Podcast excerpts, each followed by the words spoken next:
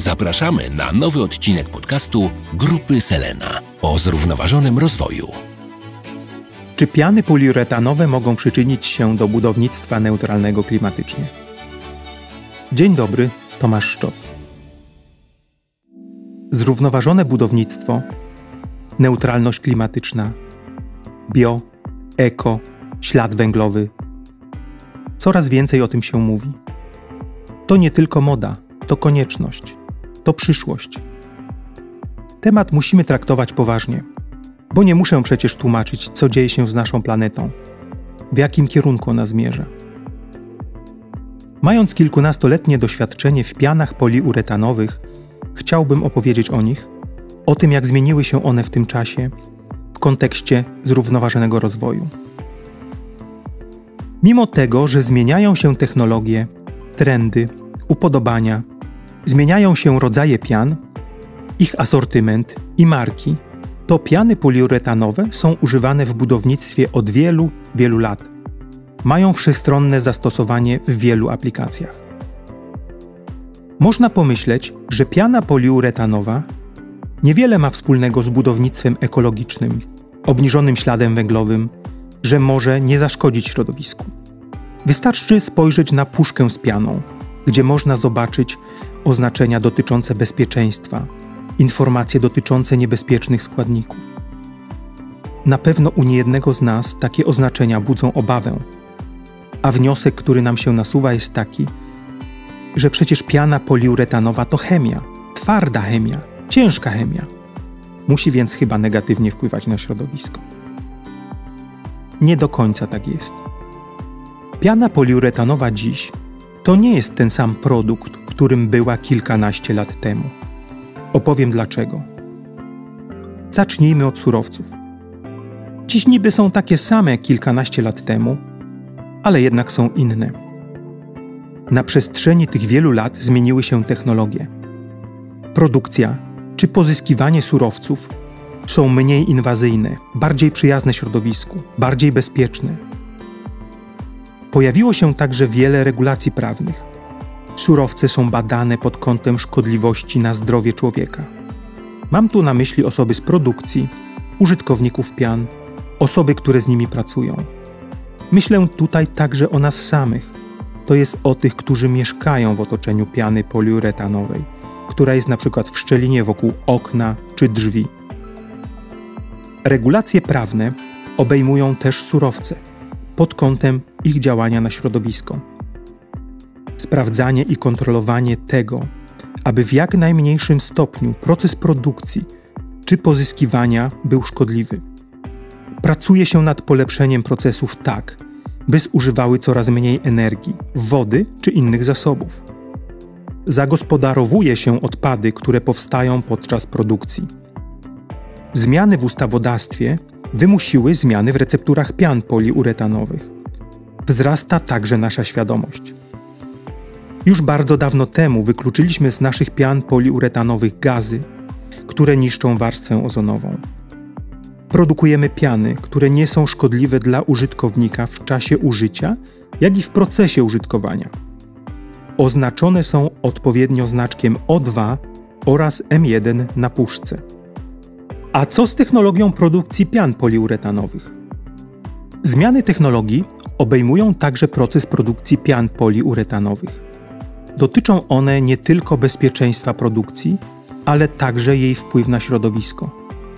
Piany poliuretanowe są produkowane w naszych bardzo nowoczesnych fabrykach. Monitorowane są wszystkie procesy. Są one ulepszane i poprawiane. Fabryki zwracają uwagę na to, jaki wpływ mają na środowisko. Wciąż inwestujemy w to, aby nasza produkcja była na najwyższym poziomie. Popularnym i znanym powiedzeniem jest czas to pieniądz. Myśl tej zasady optymalizujemy nasze procesy produkcyjne staramy się wyprodukować jak najwięcej pian w najkrótszym czasie. Oszczędzamy nie tylko czas i pieniądze. Produkując długie serie, mamy bardziej stabilną jakość pian poliuretanowych.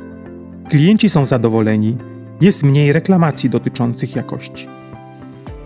Ale jak produkować dużo pian w krótkim czasie? Tu niewątpliwie jest zasługa naszego działu badań i rozwoju. Otóż nasze formuły są proste. Ograniczyliśmy ilości różnych składników. Stąd produkcja jest szybka, a nawet jeśli wymagane jest przezbrojenie linii produkcyjnej na produkcję innej piany, jest to bardzo krótki czas.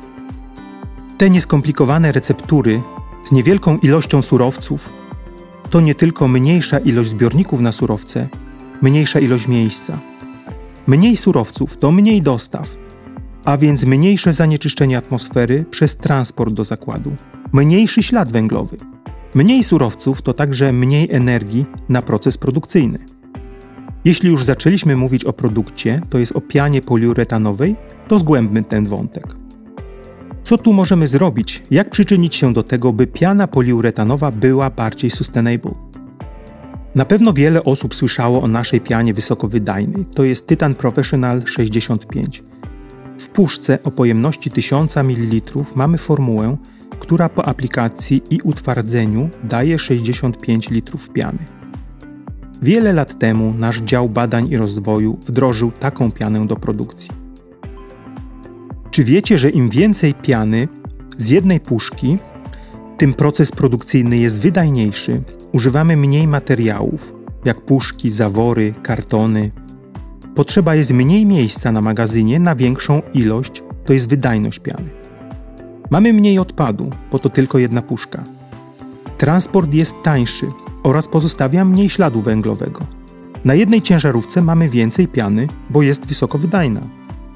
Wymierną korzyścią dla użytkownika jest niska cena jednego metra bieżącego piany w porównaniu z inną, tak zwaną standardową pianą, to jest pianą o niższej wydajności.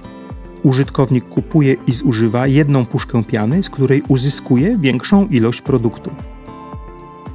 Mając na uwadze te wyżej wymienione fakty, kilka lat temu nasz dział badań i rozwoju opracował pianę o jeszcze większej wydajności.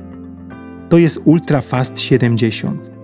Z jednej puszki piany można uzyskać aż do 70 litrów piany. Wszystkie te procesy są jeszcze bardziej wydajne i zoptymalizowane.